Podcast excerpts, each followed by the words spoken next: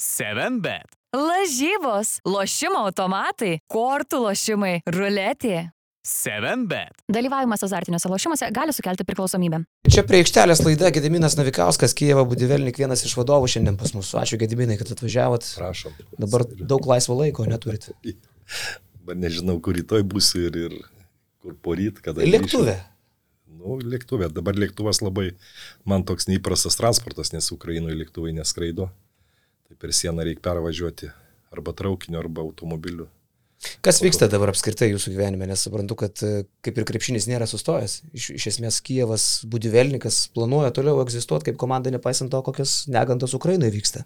Tai kaip, kadangi mes ne, nepavyko e, karo pradžioj evakuotis iš Ukrainos, likom, likom pakeliu į Lietuvą, ofisas, ofisas įsikūrė Vinicoje, tai visokių vis tiek karas karu, mintys visokios, visokios lenda į galvą ir 14 metų karo patirtis privedė prie to, kad bandytume savininkams siūlyti nenutraukti krepšinio projekto, jiem tas patiko, kad mes karo metu galvojam apie krepšinį ir sutiko toliau, toliau vystyti jį. Ir dėl to dabar daug darbo, reikia lakstyti per kelias šalis renka, dabar reikia, reikia. Gal tu paskui klausimus užduosi apie tai? Jo, dabar? mes, mes, mes galim apie mes viską po truputį ką darysim, kur žaisim. Tai gal nuo to ir pradedam, nes turbūt e, akivaizdu, kad ne Kijeve, ne? Ir buvo keli variantai. Ir- Kur žais Budivelnikas? Kijeve negalim žaisti vien dėl, vien dėl karo padėties įstatymo,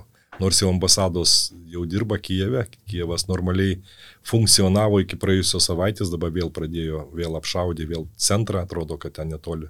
Azerbaidžiano ambasados kelios raketos nukrito. Tai nedaug dievė, jeigu jie pajudino dar Azerbaidžianą, va, tai čia bus jau ateis su kardais.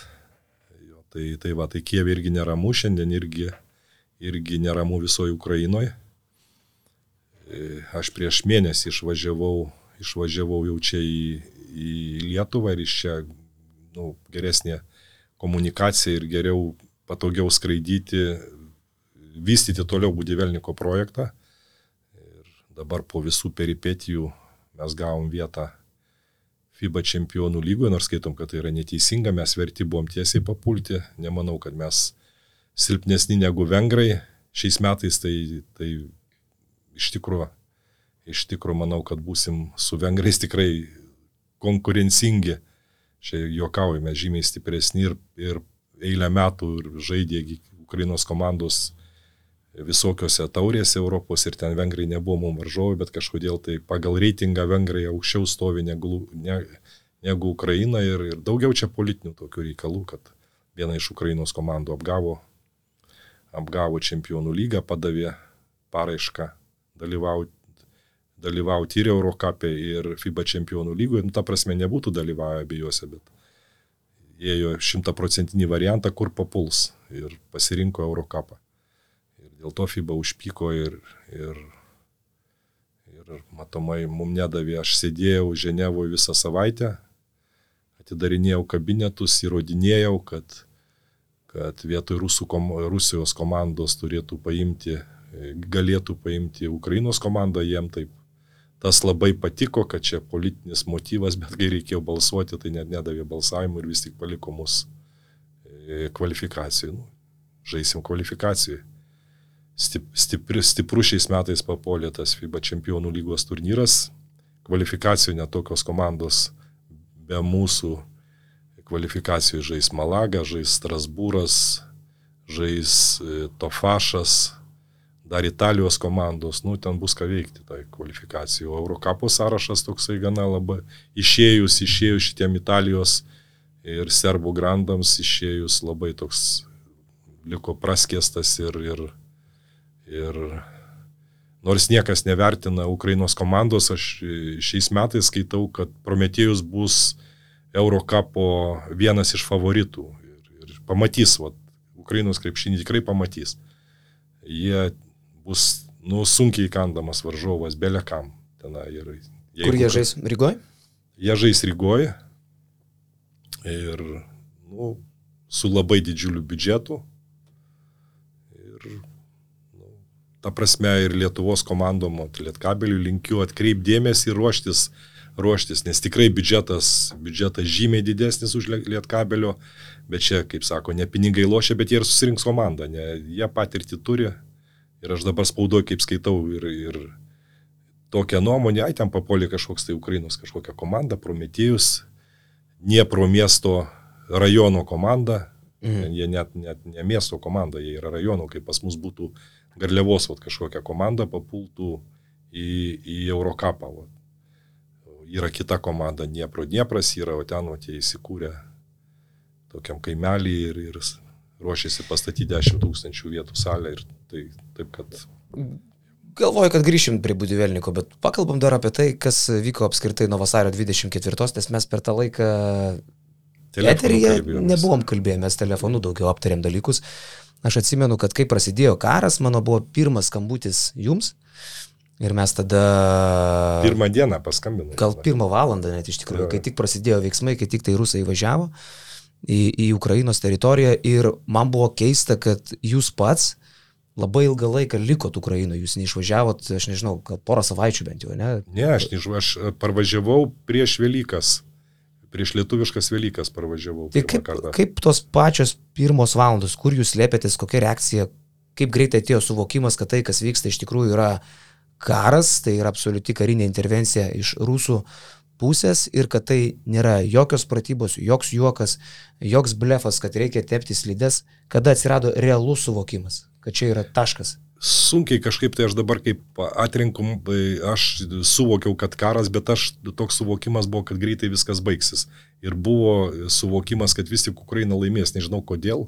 Netikėjau aš tą rusišką propagandą, kad armija rusų labai stipri ir kažką tai, nes e, pusę šešių ryto mane, man paskambino treneris, amerikietis, kad reikia bėgti, o aš žadėjau visiems pagalbą, nes dar 23 vasario buvo sprendimas Ukrainos krepšinio federacijos, kad čempionatas vyksta, tvarkaraštis nekeičiamas, nes buvo langas prieš tai ir visi atostogavo ir, ir, ir mes laukiam, kad, kad, tik, kad tik vyktų tas, apie karą niekas negalvojo.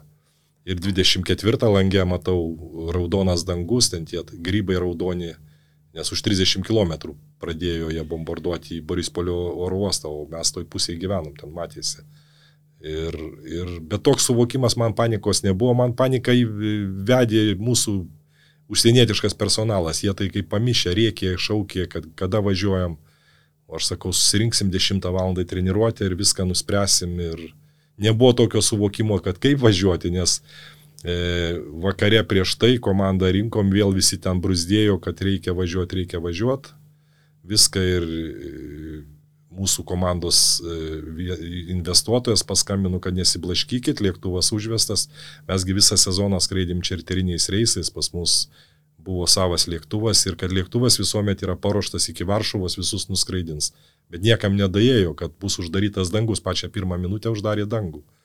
Ir viskas, pačią pirmą minutę nėra benzino, autobusas, autobuso vairuotojas negali iki sienos vežti, bet neturi benzino, nes vyram iš karto draudimas buvo išvažiuoti į užsienį, vairuotojas šaukiamo amžiaus ir benzino ieškoto man jau neleido šitie.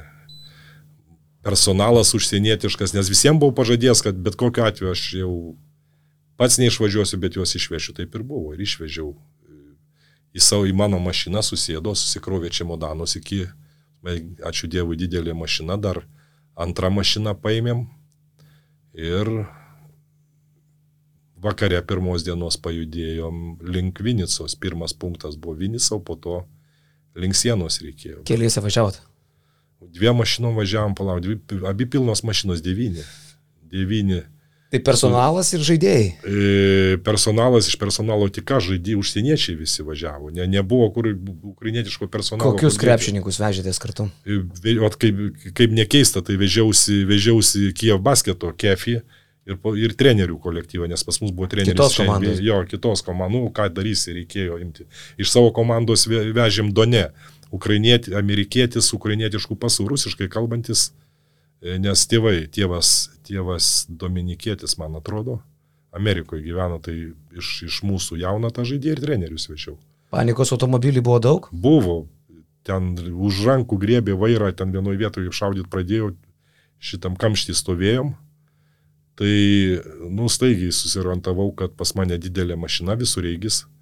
Ir tarpas buvo, autostradoje mes buvom, tarpas buvo į kitą pusę pervažiuoti per, per tokį griovį, per pievą.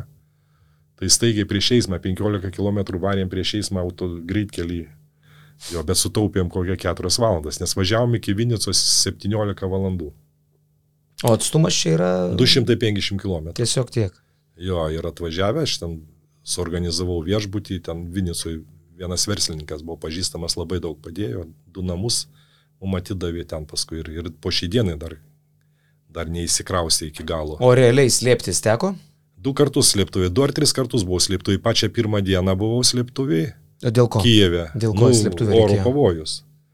Ir vieną kartą ten Vinicui, bet paskui paskaičiavau, kad ger antram aukšte po stogu miegoti ž- ne taip pavojinga, kai užgrius tam Rusijai.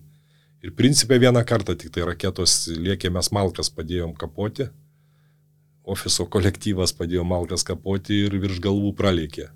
Bombos. rake- Raketos pralėkė dvi ir e, Vinicos oro uostas subombardavo. Šiaip turi, po- turėtų būti neįtikėtinas jausmas slėptis ne nuo šiaip kažkokių tai pratybų, nuo, re, nuo realiai virš galvos. e, Jo, tai skrendančių dar raketų, dabar ane? čia ir, ir Lietuvoje toks, vat, e, gyvenu gerai ir ten visi lėktuvai skrenda į Karmėlavą, tai toks vis, dabar tik priprantu, kad nereaguoti į lėktuvo, į lėktuvo garsus, tai, tai toks buvo, bet, bet taip apsipratom ir, ir viskas, čia viskas baisiau atrodė negu ten, kaip esi vietoje. Bet Gediminai, ko gero, kad tam kažkuria prasme ruošėtės, ne? Mes esam kalbėję, kad turėt pažįstamą, Taip, tai tas, kuris, kuris susijęs su, su, su, su kariuomenė Ukrainos. jo, tai, Tai kiek skiriasi tai, kaip įsivaizdavo tą galimą evakuaciją nuo jau vykstančios realybės? Labai prasilenkė.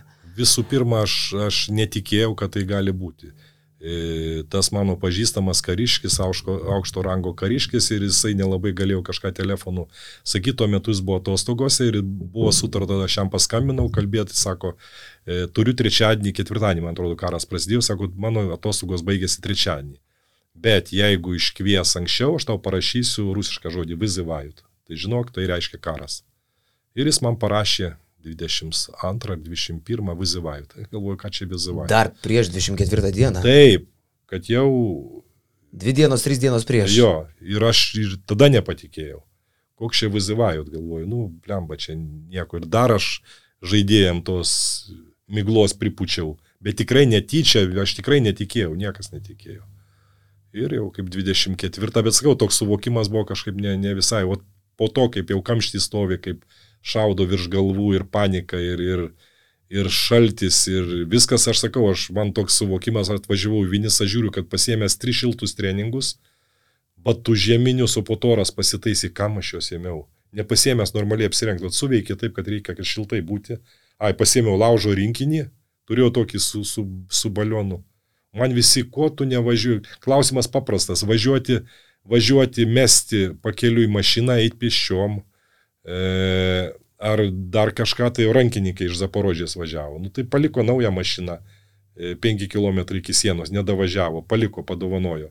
Mašina sumokėjo e, už 5 km 3 po 1000 eurų, kad davežtų kažkas tai iki sienos. Dalyvavo muštynėse prie sienos, nes ten buvo, buvo aišku, viskas paruošta ir pasirodė ir provokatorių, ir, ir, ir siriečių. Ir Jūs dalyvavot muštynėse. Ne, dalyvavo rankininkai Zaporožės, kurie važiavo. Aha. Mūsiškiai irgi žaidėjai, papolė, aš juos į traukinį kišau, aš pats netilpau į traukinį, kišau dar vieno kuprinė laukia liko.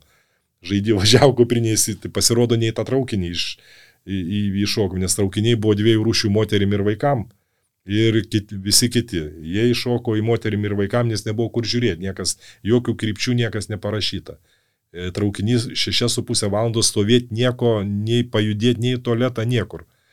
Ir po to juos išlaipino, kadangi sportininkai jie priešinosi, tai atėjo su pasieniečiais dar irgi įvyko, gavo, gavo božėm automatų ir O dievai, o dievai, ir jų likimas koks? jie pra, visi, visi prasiveržė, jau vienas treneris grįžo, dirba individualiai iš NBA grįžo tas.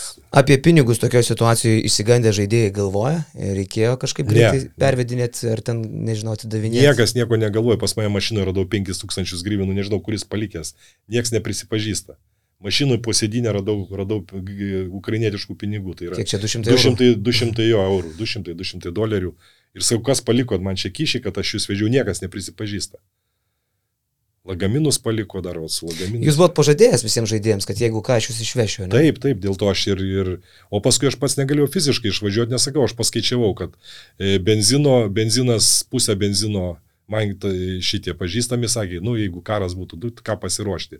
Benzino baką ir grinų, grinus pinigus išsimti iš banko, nes bankai nedirbs. Degalinės tą pačią sekundę nustojo dirbti. Nenustojo, bet žmonės visi poliai degalinės. Ten neprivažiuosi. Jo, ir po to viskas susitvarkė su benzinu, benzinas atpigo.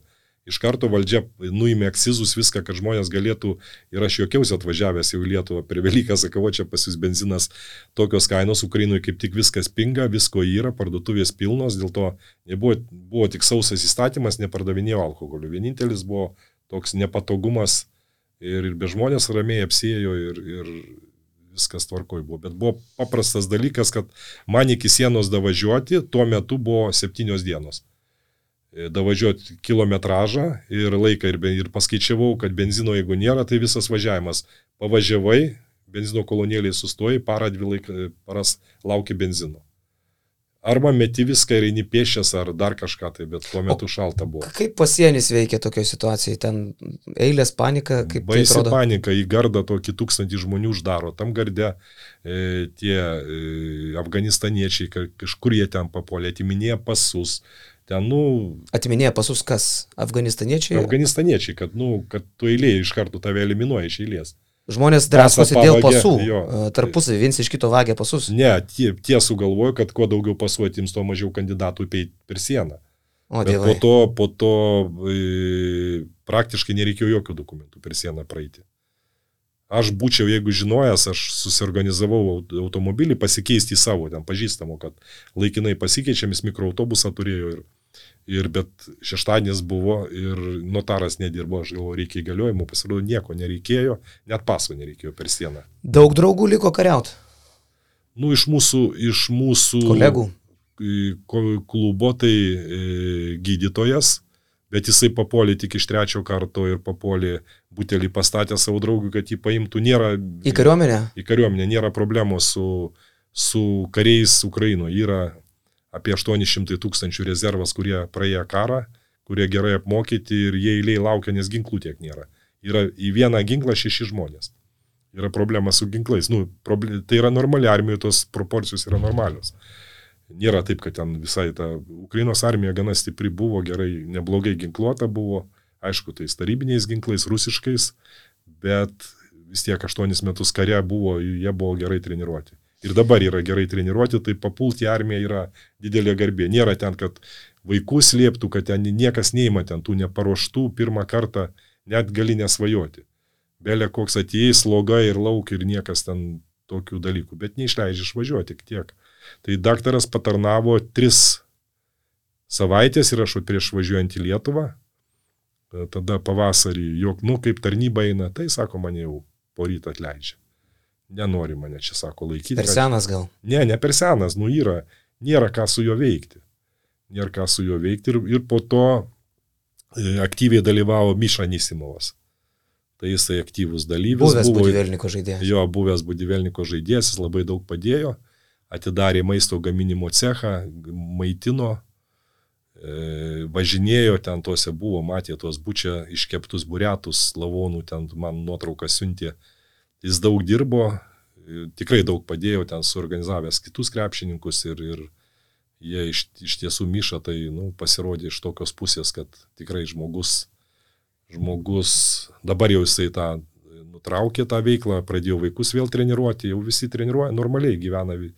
Ir, ir jisai mane prašė, kad e, jam padėčiau, nes labdara plaukia ir plaukia, kad rasti žmonės, kurie galėtų tą labdarą dalinti, tai šiam suradau. Iš to, ką girdite, aišku, čia krepšinio podcastas, bet e, nu, tokia tema, kur mes turim vis tiek e, kalbėti apie tai, ką galit žinoti apie karą Ukrainoje, tai kiek Kievas, e, kaip Kievas laikosi, kiek šansų, kad Kievas atsilaikys. Tai Kievas, Iš to, jie, girdit. jie šansų neturi jokių Kievą paimti ir neturėjo, nežinau, kaip jų ta žvalgyba dirbo. Aš dabar Kijeve buvau atvažiavęs du kartus, iš Vinicos važiavau į Kijevą, buvo ten reikalų, užduočių visokių surištų su krepšiniu ir mačiau tuos įtvirtinimus, trys įtvirtinimo e, ruožai.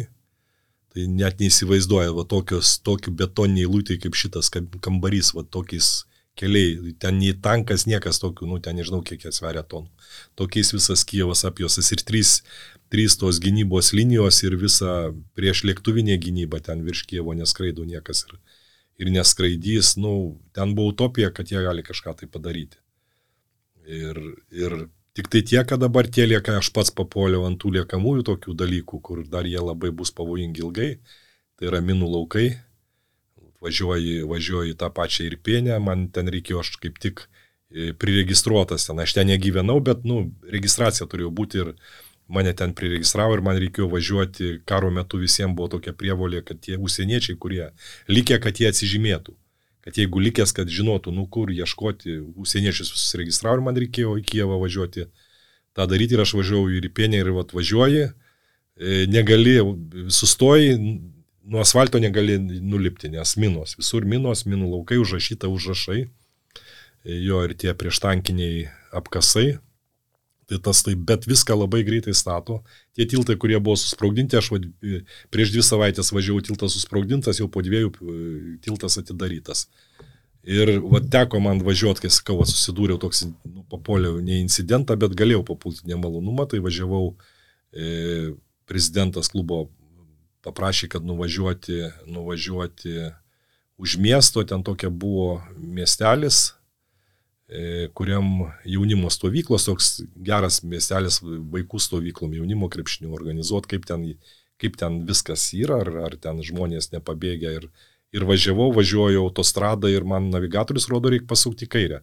Nu, galvoju, žinau, tą kelią ten yra tiltas, galvoju, tas tiltas susprogdintas kaip strateginis, tai dėl to man čia reikia apvažiuoti. Ir važiuoju, pradžioje asfaltas, paskui keliukas toks kaimo keliukas, o po to jau žiūriu miško keliukas. Navigatorius rodo, liko kilometras 900 iki trasos. Galvoju, kaip nors aš ten jau pravairuosiu. Mhm. Vis blogėja, blogėja ir galų gale medis per kelią. Nukirstas ir išlipu žiūrėti, kaip pavažiuot, matau kažkokios vėžės, aukšta žolė. Taip einu ir žiūriu minų laukas. Užrašyta.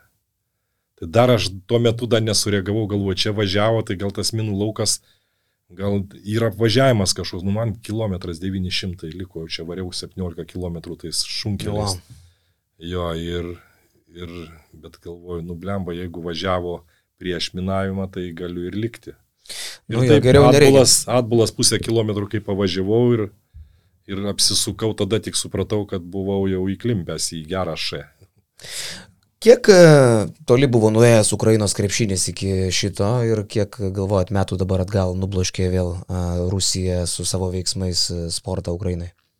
Nu, Ukrainos krepšinis buvo gana aukštam lygiai. Sakysim, mes ten Eurocapo FIBO čempionų lygoje, ne, nu, FIBO čempionų lygoje tai Prometėjus tolį jau tik dėl karo nebaigė.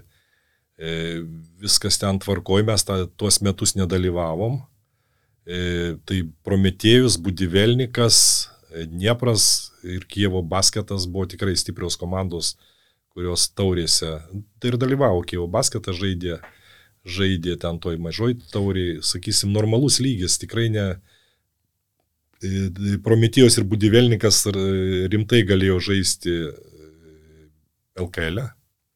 Ir manau, kad dėl ketveriukės būtų pakovoję abi šitos Čia komandos. hipotetinė situacija, jeigu žaistų. Ar, jeigu ar buvo žaistų, toks realus jo, variantas? Ne, ne, ne. Hipotetinė. Ne, hipotetinis, kad jeigu mm. lyginti, lyginti, tai šitos dvi komandos mūsų ir Prometėjos buvo su gerais biudžetais, iš tikrųjų gerais biudžetais. Aišku, ne žalgerio lygio, bet e, tikrai pagal biudžetą ant tripo žalgerio ir žaidėjai, sąrašą žaidėjų, pasižiūrėkit, kokį buvo kokie buvo tose komandose.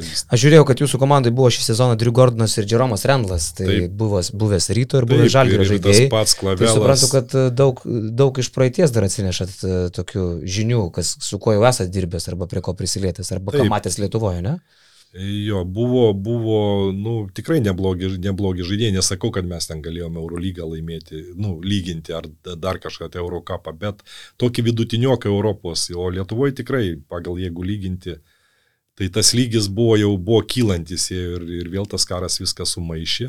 Jūs tikėjotės vietos Eurolygai e, dabar? Taip. Dabar, taip, šį sezoną? Taip, bet, nu, išėjo kaip išėjo, ten daug negaliu, negaliu kažką tai tos užkulisinės virtuvės papasakoti, bet viskas, viskas buvo taip dabar, ką žaisim čempionų lygos kvalifikacijoje, patapšnojo per petį, kad mes vyrukai geri, bet tik patapšnojo, to palaikymo, sakysim, FIBOje, Eurolygoje, to Ukrainos palaikymo tikrai nėra. Jie gal bijo, kad jūs tiesiog nu, neįgyvendinsit ne, ne, savo bijo, tikslų. jie nežaisit. gyvena, jie gyvena ramų gyvenimą, jie nenori nei iš vietos, nei, nei, nei pirminė atgal sustabarėja, sustabarėja ir jokios tokių dalykų jie nenori, jie bijosi, kad jūs sumaišys ramų gyvenimą, nu, kas yra 6 val. atėjo 9, nuėjau kavos išgerė, e, papietavo, ten pat restoranas, išgerė vinelio, 6 val. išjungė telefonus, viską ir, ir net nešnekė, kad penktadienį po pietų ką nors gali sutrukdyti, o Ženevui. Čia jūs praktiškai apie basketinius LT darbo dieną šnekat. Jo. Mes taip. Tai- Tai, tai- bet jūs taip, nebijot taip kalbėti apie čempionų lygą, paskui sakys, kad... Nebijau, e, aš, tai aš Va, pykstu- būdi vėlininkas, kaip pyksta ant mūsų. pykstu ant jų, kaip jiem negali nieko įrodyti, kad nors pasakytų sąžininkai, nu ne, ne, neprimsim jūsų, nereikalingi jūs ten tie ukrainiečiai. Nu, pasakytų, tai, tai nu, pasakytų. Aš nesu ten toks, kad, kad ten e, gulčiau skersai, kryžium gulčiau, e, nu, su, bet pasakykit, kad, kad e, mes čia pervertinam tos ugnies. Gal ir tiesa, viskas tvarkoja, bet reikia pasakyti, net apšnoja per petį, priverčia mane visą savaitę laukti žinių, ten bėgioti, ieškoti, kad kažkas paremtų balsais ar daro viskas nuspręsta ir, ir po to staiga zumų įvyksta posėdis ir, ir vietoj penktadienio, ketvirtadienį vakare viskas aišku jau. Ten Ženevoje situacija atrodė įspūdingai, aš kaip supratau, ir protestavo patys ukrainiečiai prie FIBA būstinės, teisingai. Nu, kaip būtų protestavę, jeigu pen- penktadienį turėjo vykti viskas. Penktadienį jie padarė, ketvirtadienį vėlai vakare, padarė konferenciją, padarė valdybos posėdį ir, ir nuoplenkė. Paprasčiausiai ukrainiečiai nespėjo, nei žurnalistai atvažiavo, susirinko, bet FIBA uždaryta ir, ir, ir viskas to baigėsi. Bet tai netame esmė. Mes vis tiek nutarėm, kad dalyvausim ir tas e, Ukrainos krepšinių tai nebus minusas. Tikrai dabar nesustosim, jeigu viskas taip bus, kaip mes dabar planuojam, tikrai Tikrai šitos dvi komandos Prometėjus ir Budivelnikas, jie yra vis tiek vedančios komandos, tą lygį išlaikys ir po to pat, kitas komandas.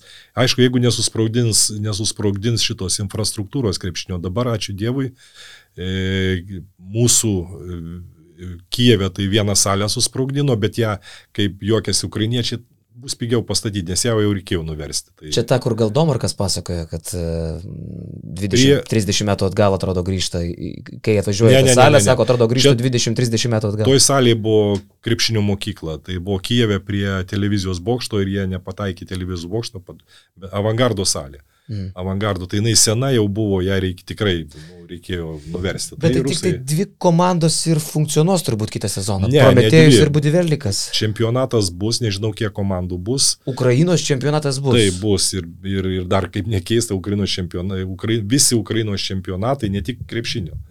E, Ir futbolo, ir visi Ukrainos čempionatai turi vykti Ukrainos teritorijoje. Tai labai blogai futbolistam, jie jau buvo sutarę, kad jie žais visos komandos susirinks šešios ar aštuonios Antalijoje ir Ukrainos čempionatą žais Antalijoje. Tai jie jau susipirkę visus žaidėjus, visus užsieniečius, baisius pinigus išleidę. Ir jiem dabar Ukrainui. Į Ukrainą niekas negali važiuoti. Tai nežinau, kaip ten su, o mūsų čempionatas vyks Ukrainoje, vyks tikriausiai turais. Mes dvi komandos žaisim užsienį, Prometėjus ir Budivelnikas. Ir po to me, mus, e, mes playoffų stadijoje prisijungsim ir bus matyti, kaip bus. Gal jau karo nebus tuo metu, gal... Daug dievė, bet pakalbam apie tai šitoje vietoje, man įdomu, o tai kaip užsieniečiai išaiškinti, kad atvažiuok žaisti į Budivelniką, Dabar niekaip. Ukrainoje sužaisim čia porą turų, vyks Ukrainos čempionatas Ukrainoje, juk e, nu, amerikiečiui net, net ir įrodinėjant neįrodysi, kad čia saugu. Nu, Nes čia ir nėra saugu. Jeigu aš nebūčiau prirodinėjęs prieš tai, tai aš ir įrodinėčiau toliau, bet aš dabar net ne, neturiu, kaip čia pasakyti, jau, nu, kaip aš galiu. Dabar jau vieną kartą, vieną Jo. kartą aš jau jiem įrodžiau, kad karo nebus ir matėm, kas baigėsi, aš net nesiuošiu įrodinėti, manau, kad dabar laukiam, nu, svarbiausiai, kad bus tas čempionatas, kaip pavyks pabaigti, ar pavyks pabaigti su tom šitom komandom Prometėjų ir Budivelnikui prisijungti ir pilnų sudėčių pabaigti čempionatą. Galbūt bus padarys kažkokias e, finaliniai stadijoje, jeigu karas dar bus nesibaigęs, padarys kažkokias išlygas, vis tik sužaisti playoffus kažkur už sienos Lenkijoje, ten ta prasme, materialinė prasme, sakysim, ten suras pinigų, investuotojai, rėmėjai, viską. Yra labai didelis dabar, kaip pasakyti, patriotizmas, kad daug pinigų išleidžia karui ir daug pinigų išleidžia sportui, menui, kad parodyti rusam, kad... Kad niekas nesustojo. Niekas nesustojo ir dar su jum dar bus daug problemų. 7bet lažybos, lošimo automatai, kortų lošimai, ruletė 7bet. Dalyvavimas azartiniuose lošimuose gali sukelti priklausomybę. O kiek svarstėt žaisti Lietuvoje? Girdėjau ir tokį gandą, kad buvo variantas Ukrainos čempionatą čia žaisti. Nu, tokių variantų kaip ir svarstėm daug labai variantų, ir, bet Lietuva labai greit užsidarė. Ta prasme, LKL greitai paskelbė, kad sukomplektavo ir, ir Tai aš net iki... Da... Ne, ne, ne LKL, Ukrainos čempionatą vykdyti Lietuvoje. Tai buvo, toks variantas. Tai čia tas variantas ir šiandien dieną jisai gyvas. Mm. Jis gali būti, E, pradžia, pradžia Ukrainoje, po to, bet sakau, dabar pagal įstatymus mes negalim Ukrainos čempionato žaisti užsienyje. Nes yra sporto ministro įsakymai. Nors nu, čia vieta dabar įstatymam ir įsakymam, čia force nu, yra, kur yra vis tiek, yra, yra, politiniai, yra politiniai, vis tik tai yra karo situacija. Tai pirmas žingsnis, kad vyksta Ukrainos čempionatas yra labai gerai. Tai mes negalim reikalauti, kad, kad dar kažką tu atleido jau politikai žino, ką geriau padaryti. Po to aš galvoju, kad jeigu bus situacija prasta, aš galvoju, kad, nu, ką, Lietuvoje mum, e, Lietuvoje ir Latvijoje mums nereikia jokio leidimo, mes galim paprašyti, kad e, mum, nu, duotų salę kažkokią. Už viską, nu, vis tiek mokėsim pinigus, duos labda, labdarą taip. Tai čia sakysim, e, vat, integruotis į kitą čempionatą šalies, tai yra problemos, tave ten prims, neprims. O kur mums organizuoti, aš manau, kad ta, ar Lietuvoje, ar Latvijoje, ar Lietuva ir Lenkija yra patogiausias, kadangi netaip toli. Kada atranka prasideda į čempionų lygą kvalifikaciją? 21 e, rugsėjo. Tai jūs labai daug laiko neturėsit, jums jau reikia Neturime, komandą susirinkti. Taip, ar mes su virtreneriu neapsisprendę, yra visokių ten tokių dalykų. Ir dar, nes praėjusiu metu vyr treneris išvažiavo į Kiniją dirbti. Tai va, tai dabar vyr trenerių ir staigiai komplektuosim komandą. Bet uh, įmonės, kurios remdavo jūs, ne, privatus asmenys, nu, su pinigais visiems reikalų yra, net ten dabar investicijas žmonės tengiasi duoti. Kaip krepšiniui susirinkti pinigų, Budivėlnikui, Prometėjui? Nu, Nebuvo tos tradicijos ir anksčiau, kad ten kiekviena komanda turėtų daug rėmėjų, tokio tradicijų nebuvo. Yra e, klubo savininkas, kuris garantuoja tą klubo biudžetą. Mhm. Dabar sakysim, ačiū Dievui, klubo, klubų savininkai e, gali skirti. Ta prasme, čia ta investicija į krepšinį yra dalinai investicija į e, tokį PR, kad, kad, nu, kaip sakau, plikom rankom jūs mūsų nepaimsit, kad šalis gyvoja, nežiūrint į karą. Ir, ir yra toks ir patriotizmas surištas, kad lygiagrečiai eina tiek finansavimas karo, tiek, tiek e, finansavimas sporto ir meno. Tai čia yra geras, geras dalykas ir plus labai daug padeda pasaulis. Nu, pas, jeigu, jeigu ir tai karo metu visokios mokesnės lengvatos bizniui, nu, aš sakau, aš netikėjau.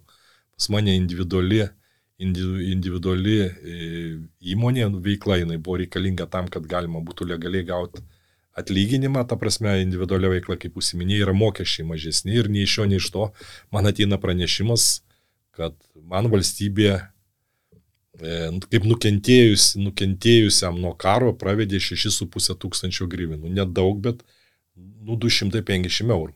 Mhm. Nei iš šio, nei iš to, o dabar va Lietuvoje taip savo, nei iš jo, nei iš to individualiai įmonėje tau pinigai atėjo, tau čia biškai mes nuskriaudėm. Jo, tai... O rusai kiša trigrašį į krepšinį vis dar, Europos krepšinį. Oi, kiša CSK, ten visi dabar jie bando, nu jiems skiria pinigus, jiems reikia išleisti pinigus.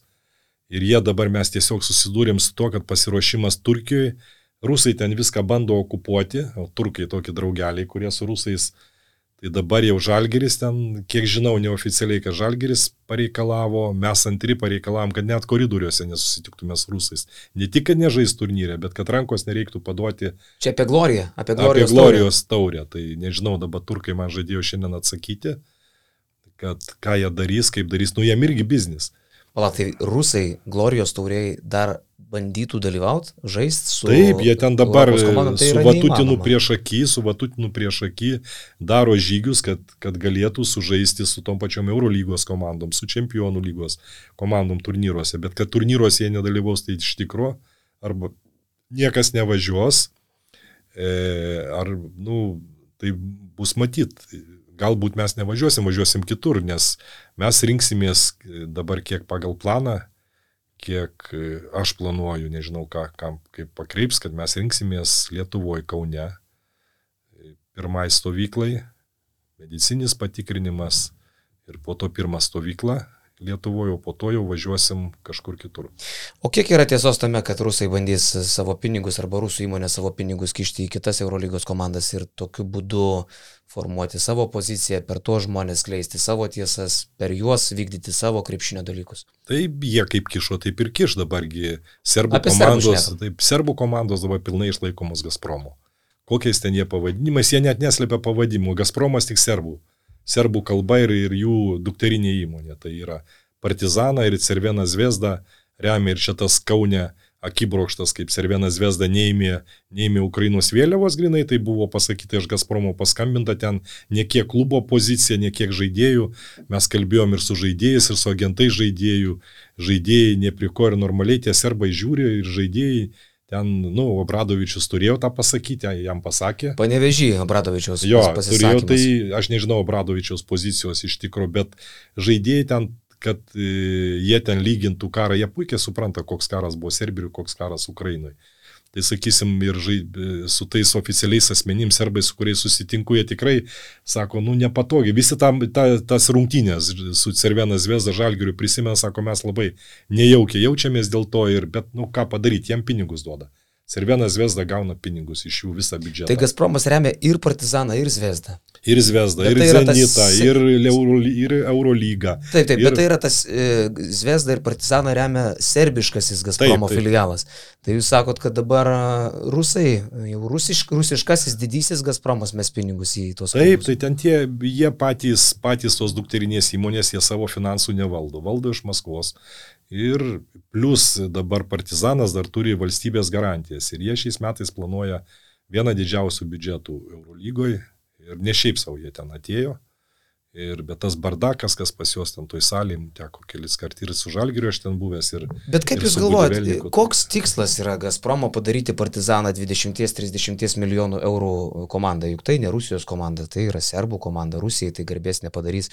Kokią naudą jie iš to gauna? Padarys garbę, jie išlys, kada, kada bus pasiekimas, jie sugebės, sugebės rusišką vėliavą kažkur tai iškabinti ir, ir sirgaliam daug nereikia ir taip mosikuojasi, mes 14 metais tada žaidėm e, su Cervenas, ir su Partizanu, ir su Cervenas Vesda. Ir pas juos salėje rusiškos vėliavos buvo. Mes net nenorėjome įti aikštę.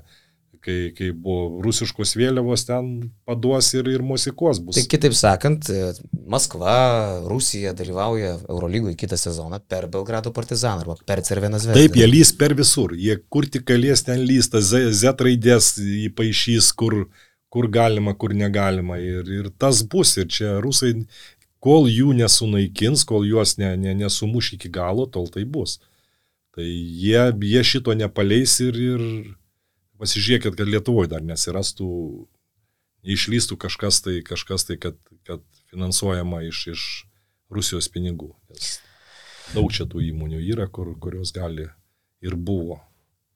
Tai šiandien dienai uh, žaisit Romui, pagal tai, kaip dabar atrodo. Pagal tai jo ruošiamės, aš rytoj skrendu tenai, galutinai tartis dėl visų, visų e, reikalų, dėl būties, dėl salės, dėl, dėl ir bandysim Romoje, bet ne dėl to, kad čia daug kas Europoje ir tas, čia tas mūsų toks e, povandi, pijaras, kad mes žaisim Londone ar dar kažkur, čia ne iš gero gyvenimo, bet e, žaisim ten, kur mūsų klubo investuotojai yra patogiau su logistika kur jie turi savo ofisus, kur jie turi, dėl to ir buvo iškelti tokie, o jie ofisus turi didžiosiuose e, finansų centruose ir didžiosiuose biznio centruose. Tai mes dėl to, labai, man būtų labai malonu žaisti Kaune, e, būtų gerai žaisti Rygoje ir, ir bet kuriam, bet kuriam normaliam mieste, bet, bet sakau, dabar nu, yra taip, kaip yra, nes lengviau viską organizuoti, kai yra pagalba iš,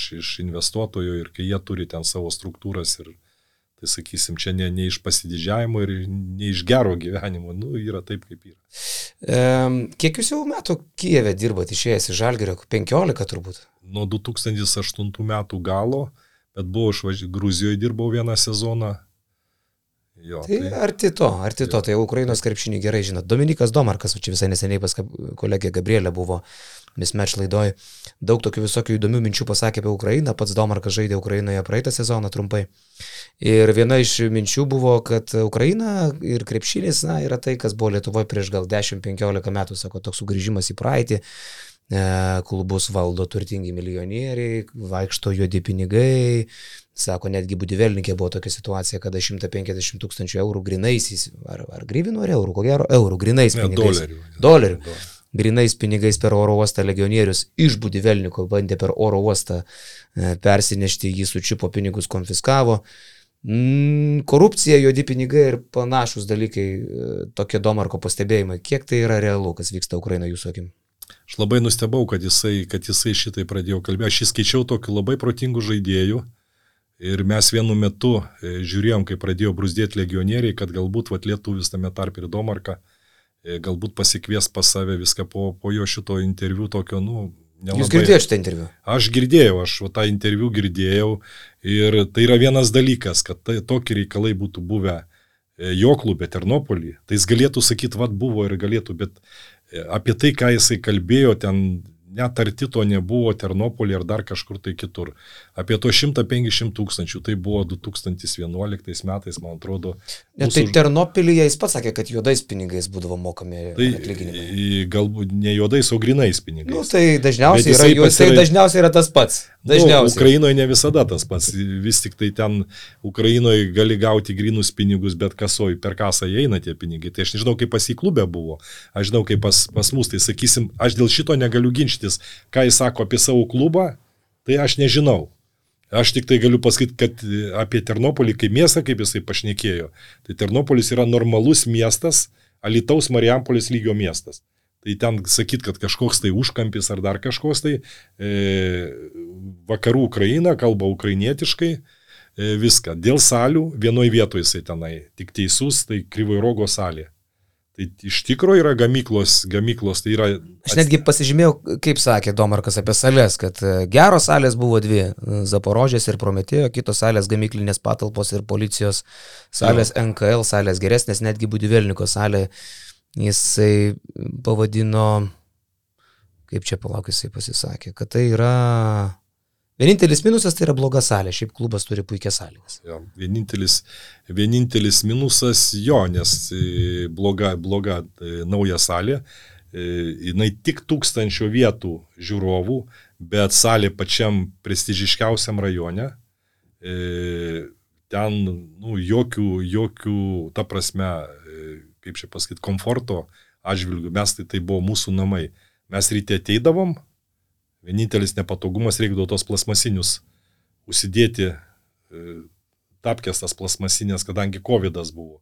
Ir ateini kaip į darbą, ateini į darbą, treniruoti, spa, e, restoranas vietoj pavalgyti, viskas vietoj, parkingas, kas, e, kas aktualu labai tokia mieste kaip Kijevas, į požeminį parkingą įvažiuoji ir viskas tau vietoj, viskas, tai aš nežinau, ką jis galėjo, kad salė blogai. Jis maža, bet nu, daug žiūrovų ten ir neteidavo. Pradėjau rinktis jau po to, kai mes šou organizavom. Visos kitos salės yra, jeigu jis skyrė Prometėjų salę, tai jų to pačio Ternopolio salė buvo, sakysim, ir pagal žiūrovų kiekį didesnė, plus nesena ta salė, galbūt rūbinės mažos bet irgi naujos statybos. Salės kaip salės, bet šiaip įdomiau yra su tais pinigais. Šiaip keistoka praktika, grinais pinigais mokėti atlyginimus, ne? Ir paskui legionieriams vežtis oro uoste tokias sumas. Visam pasaulyje, bent netokiu mastu, bet sakysim, kad legionieriai tada vežėsi du legionieriai, bet netokias sumas, nu ten, ten absurdas. E, vežėsi paskutinį, paskutinį atlyginimą. Ta prasme, kad legionieriai... Bet tiesa, visada- kad jie atėmė oro uoste. Jį sulaikė, dalį sulaikė, virš normos ką sulaikė, bet jokio ten kriminalo nėra. Sulaiko ir teismas nusprendžia ar atiduoti ar ne. Bet Plius tai jisai vežė su tada legionieriui leidžiat vykti su tais grinais, jam nepasakė, Tai kad tavo atims oro uoste. Atvažiavęs legionierius, kuris prieš tai žaidė Pietų Korejoje, Europoje niekur nežaidęs. Arčiausiai nuo Amerikos žaidęs Pietų Korejoje. Plus paskutinis atlyginimas, agentai sako, tu geriau pasim, nes negausi to paskutinio, pasim grinais, paprašy grinais. Nu ir gavo grinais ir dar didelio ūgio, vaikšto žioplinėje po oro uostą ir atėjo, sako, kiek turi, sako, vo, viską parodė, ką turi. Nu tai pusę, pusę iš jo konfiskavo ne, iki teismo, teismo sprendimas, Mhm. paskui net važiavo į teismą. Mhm. Viską, bet ne 150 ir tai ne, ne nu kaip pasakyti, tai yra ne taisyklė iš to.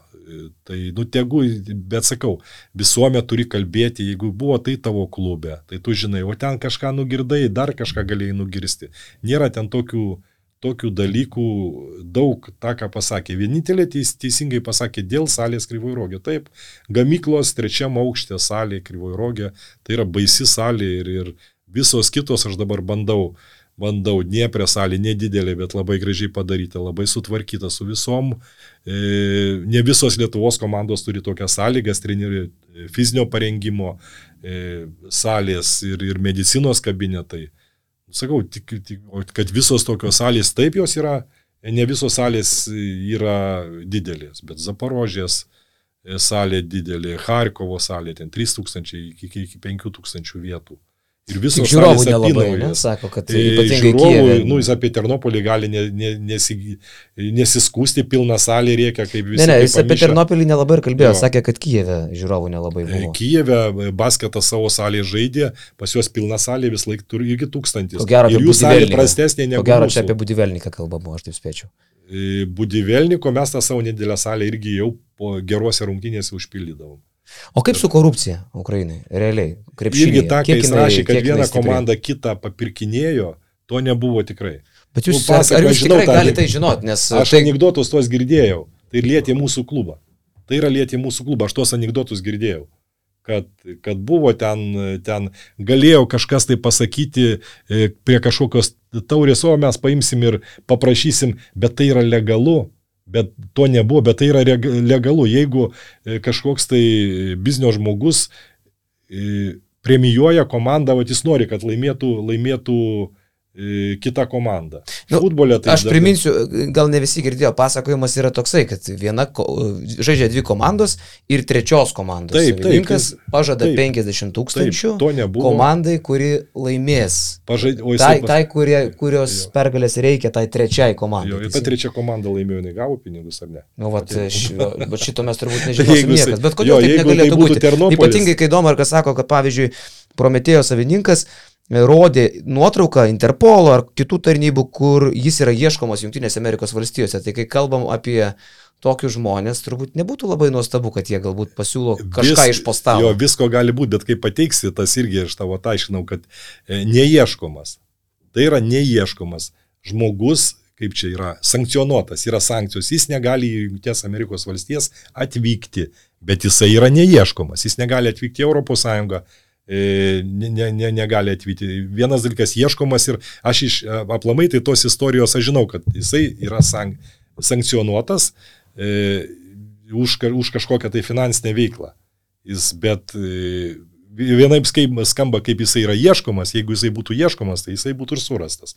Nes Ukrainos vyriausybė yra provakarietiška ir iš tikro tai būtų, jeigu jis būtų kriminalinis nusikaltėlis. O jisai yra, jam negalima išvykti, jis negali važiuoti atostogauti, jis negali į užsienį. Taip ir yra suvaržytos teisės, bet neieškomas Interpolų. Turite Eurolygoje nemažai a, pažinčių, iš seno dar aišku, nuo žalgerio laikų. Jordi Bertomeo turėtų baigti kadenciją, jeigu viskas yra pagal tiesą, tai turėtų po keturių dienų jau nebebūti Eurolygos vadovu, Liepos pirmą dieną. A, kas girdėti iš Eurolygos, kiek realu, kad Jordis traukėsi? E, Nežinau, traukėsi, ne, nesitraukė iš tikro iki Liepos pirmos dienos jisai dirba. E, Po to turi, turėjo būti akcininkų susirinkimas ir jie nuspręsti, kas, kas bus toliau ten, kokios jo funkcijos bus, ar jis liks ten kažkokio garbės bet e, garbės e, nariu ar dar kažko tai, bet dabar kiek skaičiau, aš jau nežinau, iš ten iš Eurolygos kiek skaičiau, kad rado procedūrinį dalyką, kad netimė CSK, suspendavo vietą, bet netimė balso. Ir kad tą sprendimą neturėtų, tame sprendime neturėtų dalyvauti CSK. Tai va, tai kaip dabar bus, tai jau. Ir ką tai, ką tai keistų, CSK balsavo prieš Jordi Bertomeu, taip?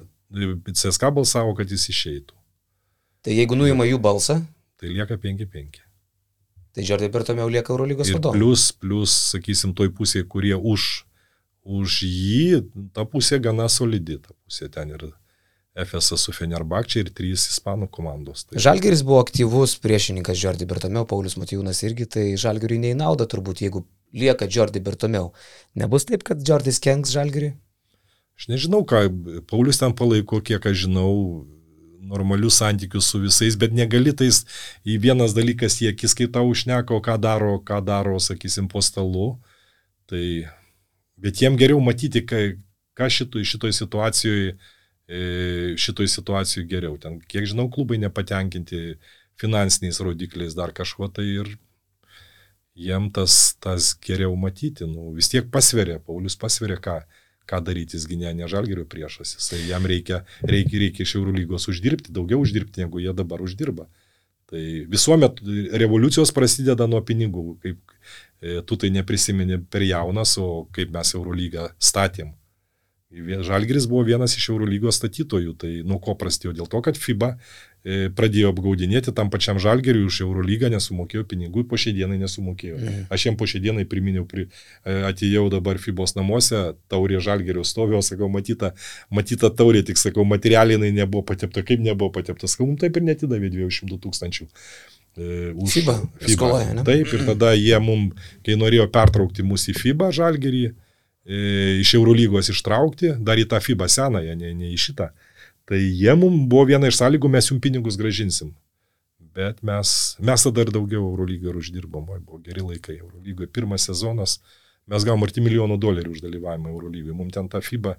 Bet mes iš principo, iš principo laikėmės principinės pozicijos, kad naujas darinys Eurolygai yra, mes teisingų kelių nuėjom ir ilgai mus, ilgai mus Eurolyga už tai gerbė žalgerį ir, sakysim, tais liūdnais e, aštuntais metais e, tiesiog, e, nu, mes Eurolygos dėka, kai jie patikėjo, manęs jau nebuvo, bet patikėjo žalgeriu, kad jisai neišnyks ir, ir nepadarė klaidos ir jie neišmetė žalgeriu iš Eurolygos. Tai O šiaip e, žinau, kad Budivelniką vis tiek vieną dieną matote Eurolygoje, ne? Čia jums kažkas tai pastovi vis nu, bando prisiskambinti.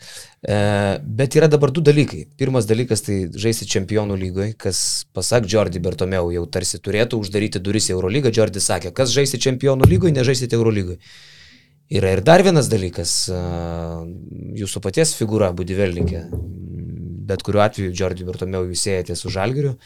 Paulius Motijūnas šiuo metu tikrai nėra mėgstamas Jordi Bertomeu. Ar nėra šitie du dalykai, tai yra paties Navikausko faktorius, kaip Budivelnik vadovo, ir, ir žaidimas čempionų lygoje, du faktoriai, kurie gali būti, kad labai ilgai Budivelnikų iškerta kelią į Eurolygą. Nežinau, mane daug kas pervertina, nėra, nėra taip tas Navikausko faktorius Budivelnikui nieko nereiškia. E, Galbūt šiek tiek reiškia pačiam Budivelnikui, kad aš einu su tom idėjom Eurolygos ir Budivelnikas tikrai yra ir, ir mūsų klubo vat, prezidentas, jisai už Lietuvą, už Eurolygą, kadangi nu, jis visą tai sieja su Saboniu. e, ir su Žalgiriu. Taip, taip. Ir, ir tai sakysim, mano čia tas, o kad mes šiais metais čempionų, čempionų lygoje, o kas mums davė kitą pasirinkimą. Jie patys, e, tai yra, e, e, Bertomėjus turėjo galvoj, kad yra komandos, kurios vat, renkasi iš dviejų kas daugiau duos arba kas kažką tai ir, ir tada pasirenka. E, Aš vat, matau šitoj vietoje, aš ne, dabar, sakysim, aš nieko neturiu e, prieš rytą, bet va šita, šitas, vat, kas liečia Eurolygą ir rytą, šita, jeigu bus Bertomėjus, jis prisimins. Nes rytas nuėjo, buvo pasirinkimas ne tai, kad Budivelniko nebuvo, mums nėra kur rinktis, mes norim gelbėti sezoną. Mes norim, kad Ukrainos krepšinis būtų, kur mums žaisti. Eurolyga mūsų nepriėmė, Eurocapas mūsų nepriėmė, sakysim, ir, ir kur mums žaisti. Bet kaip tada vertinti Džordžio žodžius, kad jeigu žaidi čempionų lygoje, Tai į aš sakau, kaip jisai, kaip jisai, e, jisai nepaaiškino, jisai, aš tiksliai žinau, kad galvoj pasi, kad kaip tu samoningai pasirenki tarp Eurolygos ir e, FIBOS, pasirenki FIBA, tada taip. Rytas pasirinko samoningai. Nes aš prisimenu tą istoriją, rytui e, žadėjo ir pinigus, ir ilgalaikį kontraktą, ten nebuvo, e, rytą viliojo, rytą suviliojo, bet kai tu e, neturi kito, nemanau, kad Bertomėjus... Aš paspausiu knopkę, nes mes čia vibruojam labai. Nemanau, kad Bertomėjus, Bertomėjus nežino istorijos, kodėl, kodėl mes, nu, ne Eurolygoje, ne, ne Eurocapė. Jis tą žino, jisai priėmė sprendimą. Jis tą žino ir nemanau, kad mus tas, tas liečia. Nu, būtų jau tikrai E, nelogiška, kad, kad geriau mums nieko nedaryti, negu aš nemanau, kad šitas. Mes pagalvojom apie tai, mums jau tu ne pirmas sakai, kad, mhm. kad čia bus, aš nemanau. Kad... Visai pabaigai, e, daug metų žalgerį komplektavot, buvot žalgerio vadovu. Šis sezonas turbūt pats sunkiausias žalgeriui per e, tiek, kiek galim prisiminti. Velniškai prastai viskas čia buvo, žalgeris trečias LKL, e, tai katastrofa Kauno klubui, žalgeris Eurolygoje liko paskutinis, tai katastrofa, žalgerio komplektacija buvo siaubinga. Apskritai išėjo iš Arūnų Jasikevičių viskas čia taip kaip kortų namelis Kaune paėmė ir sugriuvo. E, kaip galvojat, reikia žalgiriui e, stiprinti, nežinau, klubo personalą, žmonės, kurie komplektuoja, ar Paulius Matijūnas vienas pajėgus ir ar vertas tęsti darbą komplektuojant po tokių dviejų sezonų? E, nu, nemanau, kad Paulius vienas komplektuoja ir ne, e, sportinė prasme tai pats prašiausias sezonas, bet buvo mes toj dobėjai po Eurolygos čempionus. Tu, tu neprisimeni. Aš prisimenu, man jau buvo kai, 10 metų. Jo, tau 10 metų, kai mes buvom prieš paskutinį Eurolygo, aš jau tada dirbau, buvom prieš paskutinį Eurolygo ir rytoj gavom e, šitą. Tai va čia beveik analogija. Ir dabar aš, pavyzdžiui, e, man atrodo, aš Pauliui ir sakiau, čia taip spręs, ar Paulius vertas ar nevertas, Čia nieko tas, nu, visiems būna visokių nesėkmių ir ne, ne Paulius vienas atsakingas. Ir, ir, ir nu, nu, buvo, ne, papolė į tokią duobę, kodėl, kai buvo viskas Bet ar gerai. nereikėtų antram... jam šalia save turi, savęs turėti tokį, tarkim, Manau, Giną Rutkauską? E, nu, patarti, aš pavyzdžiui, e, aš pavyzdžiui, ir su Arvidu kalbėjau, kad, nu, tokio žmogaus kaip Ginas tikrai trūksta. Bet pasakyti, kad jis jį turi, nu jis kitaip mato, kitaip mato tą reikalą. Ir dar nieks, nieks aš tik tai kokius, va, nuo savęs tokius norėčiau pasakyti, ką aš dar, dabar daryčiau vietoj Pauliaus. Tai aš dabar sekančiam sezonui e, komplektuočiau komandą tapti LKL čempionais. Vat šitą Eurolygą kauniečiai, nu kaip ėjo, taip eina į tą Eurolygą. Ar jie paskutiniai, ar ne paskutiniai, atmosfera salėje gera, eina žiūrėti žaidimo, vis tiek aukštas lygis. Aišku, reikia pasiekti ten, rezulta, e, ten rezultatą, bet dabar akcentuočiau, kad antrus metus iš eilės tokio fiasko LKL negali būti. Pirmą pozicijas užsimti Lietuvoje, o po to žiūrėti LKL. Ir jie dabar teisingai, ant kiek girdžiu, daro, kad jie va du zuikius nušovė, jeigu Butkevičius tiesa, kad žalgeryje, tada jie šauna du zuikius susilpna rytą ir sustiprina savo poziciją vietoj Jankūno, ateina, ateina žaidėjas, kuris lietuvis stiprus žaidėjas. Ir Lietuvoje tas Butkevičiaus išėjimas iš ryto į Žalgirį, tai tikrai yra, nu, tokio lygio, nepadarysi taip, kad vienos komandos lyderį pasimsi pas save ir tą komandą žymiai susilpnins. Nebent... Pasikalbam dar apie jūsų filosofiją kaip GM, o Žalgeris dabar ilgai Krisa Džonsą medžiojo, galiausiai panašu, kad jį pasėmė Valenciją. Jonesas nebuvo pigų žaidėjas, e, kažkur 700 tūkstančių gal krepšininkas, gal ir netgi daugiau, jeigu jau labai draskaisi dėl jo, bet va čia man ir įdomu, ar jūs būdamas GM medžiotumėt tokį brangų krepšininką, ar vis dėlto darytumėt taip, kaip uh, anksčiau buvo tarsi žalgerio stilius, paimti potencialiai kilsiantį žaidėją, 3-400 tūkstančių vertės, jau kas nebūdavo žalgeriui pigų, bet dar netokį jau tarsi pikinį, dėl kurio draskosi daug komandų. Ar Žalgeris yra ta komanda, kuriai reikia draskytis dėl tokių Krisų Džonsų? Aš manau, kad, nu, nežinau, aš jų piniginių galimybių ir dabar prisikalbėsiu, jis Navikauskas visą laiką nu, save pervertindavo skolą. Žalgeris tiek maždaug išleidžia žaidėjim treneriam.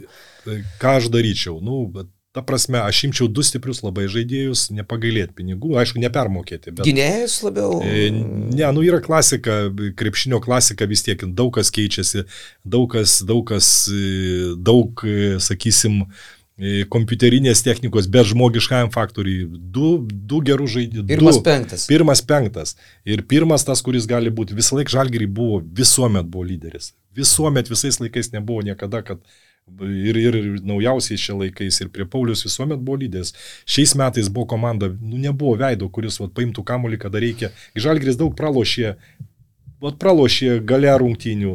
Nebuvo veido, kuris vat, žaidėjo, kuris paėmė kamolį, sako, padarysim. O kaip jums ta kita filosofija, kur šio laikinė tarsi labiau šio laikiška, keturi stiprus gynėjai? Ir, nes Žalgiris yra biedna komanda, mes negalim turėti ir gerų gynėjų, ir gerų vidurio polėjų, tokių jau brangių labai žaidėjų. Tai šiek tiek rizikuojant imti kates maiše centro pozicijoje, ketvirto, penkto numerio, ir keturis gerus gynėjus, visus pinigus, pagrindinius pinigus metant į perimetro liniją, kur lyg tai eina dabartinis Nu, krepšinis. bet- Ar tas geras pirmas, geras penktas, ar Žalgiris nėra per mažai pinigų turinti komanda, kuri gali turėti pirmą, penktą, tarsi, kam mums tas geras labai centras? Gal centrai labiau katės maišė, o gynėjai tegul būna aukščiausio lygio. Kiek, kiek mes galim turėti? Nu, e, ne- nežinau, galbūt ir tai tiesa, bet sakau, ką aš daryčiau. Ir aišku, žalgeris, tai aš kalbu apie labai brangius, tai ne pačius brangiausius. Jau ten, kur virš milijono eina, kur, kur tokius, bet tokius žaidėjus, kad jiem į mėnesį, ten, sakysim, 560 tūkstančių eurų sumokėti dviem žaidėjim, tikrai gali, tikrai sveikus, gerus žaidėjus, kurie gali, gali nulemti. Galbūt ne, ne, ne, ne penktą, ketvirtą, penktą, su metimu, su tritaškių metimu ir tokių žaidėjų yra. Tokių žaidėjų yra ir net yra, yra nu dabar aš neskleisiu, yra žaidėjų ir ne, ne, ne tokio aukšto kalibro kainom.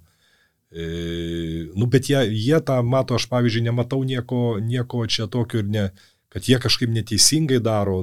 Vienas dalykas yra treneris. Trenerio filosofija yra kokia. Galbūt Makskvitis dabar paklausys, ką tas Navikauskas šneka, kokius, koks čia pirmas penktas. Čia ir tai tiesa. Jisai jam atsakyti, jisai žaidžia, jisai žaidžia tokį žaidimą, o ne kitokį. Gali žaidžia su keturiais gynėjais ir su vienu dideliu ir jisai moka tą žaisti. O jūs už tai, kad e, GM komplektuotų komandą, ar kad GM su treneriu, ar kad treneris? Aš už miksą, aš už miksą. Nes žalgerį niekada nebuvo, iki kol, kol mes vat, su Ginu buvom, tai žalgerį buvo daugiau, kad e, komplektuodavo Ginas komanda. Ir treneriam, treneriam būdavo pasirinkimas iš tam tikro vat, duoda į vieną poziciją, ten sakysim, 20 kasečių, tada buvo, nebuvo ten. Mhm. Atneši krūvas tokius dėžių. Vat, pasižiūrėkite į tą poziciją, vat, iš šitų, kadangi buvo atrinkti pagal pinigus, į tą poziciją iš šitų, vat, ir jų būdavo krapikas, susireik, ar dar kažkas sėdi ir tas kasėdės peržiūrė, mes šitą norim.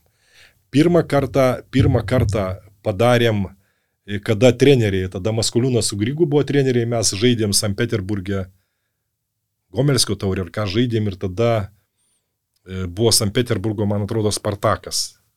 Ir sėdėme, žiūrim rungtynės, Grigas sėdi, Maskoliūnas sėdi, jau aš buvau, Gino jau nebuvo, jau aš ir jie taip, nu, va, pasižiūrėk, va, toks Leningrado, tas Leningrado, Peterburgo Spartakas Mhm. niekur nežaidė tada. Europoje, nu, tokia komandėlė, pažiūrėk, kokie žaidėjai laksto. Vat Markota laksto, 2 metrai 10, pažiūrėk, ką jis išdarinėja. Vat, e, sakau, tai gerai, o, vat, sakau, man ateikit, ateikit paskui, man reikalinga tas ir tas, ir tada aš dirbu, kiek jis ten kainuoja. Nu, ką čia ateisi, ką sakau, jūs va taip galit pasirinkti. Jo, va jeigu mum tokį. Markota už dviejų savaičių man pasiūlymas ir geras pasiūlymas visai pagal mum, pagal kišenę, St. Peterburgas nori atleisti ir sumokėti jam dar išeitinį, ir mum ten lieka nedaug mokėti, sakau, Markota jau pas mus važiuoja ir treneriai bus įgando. Kaip tai jisai, va tai jo trumpos rankos, sakau, tai blemba, sėdėjom tribūno, jo ir ilgos rankos ir viską, ir tada Markota mum atidirbo, atidirbo super, bet tai sakau, buvo vienintelis, kai žaidėjai pasakė, va mes norim, va mes paėmėm ir Markotą pas mus. O daugiau, daugumai tada buvo, sakau, daugiau mes komplektavom komandą, jiem tik paduodom, kai Ginas buvo. Aš neturiu tokių savybių, kai Ginas. Ginas yra, nu, super sporto direktorius. Jis tą šį sezoną dar kartą lokomotyviai įrodė. Taip. Su to pačiu Motley, Jisai- dabar už kokio turbūt porą milijonų Feneris nusipirko. Taip, ir, ir sakysim, iš tų, tokius ištraukia, bet aišku, lokomotyvai irgi specifika, aš ją puikiai suprantu, kaip ir Ukrainoje. Ten ne viską tu gali tau pasako ties, ką tu čia kažkokį tai už 200 tūkstančių įimi. Tu sakai, nu, brangus tas ir gauni atsakymą, neskaičiuok mano pinigų. Ir viskas, nori savininkai žvaigždę kažkokį ir jisai turi su to taikytis ir, ir, ir bet sakau, tai yra, aš nesakau, kad čia žalgiriui būtinai, yra daug niuansų ten viduj, kur, kur, kur tik žino Paulius, žino vyr treneris. ir, ir kiti, ką jie ten sugalvojo, ką ir, ir, ir niuansų, kurių dėl ko negalėjo paimti vieno žaidėjo, dėl ko negalėjo. Gi niekas nežino tos virtuvės tenai, kas, kas ten darosi, niekas nežino ir prieš rungtynės. Visi treneriai, visi geri, bet tik treneriai žino e, šitų, šitų Ja. Žaidėjų, žaidėjų savijautą ir, ir taip, kad Kadangi, viskas gerai bus už žalgį. kadangi skambina jau dešimtą kartą, suprantu, kad mums Taip, šito jau. pokalbio laikas jau ir išgaravęs. Bet šiaip ačiū Gediminai. Prie aikštelės laidoje šiandieną mes kalbėjom su Gediminu Navikausku. Likit įsijungę, šią savaitę basketiniuose dar daug visko bus. Dėkui. Tai palauk, tai podcastas baigėsi, tu nei palaikinai, nei pasubscribinai, nei dar gal net ir BN plus narys nesi. Nu, būkit žmonės.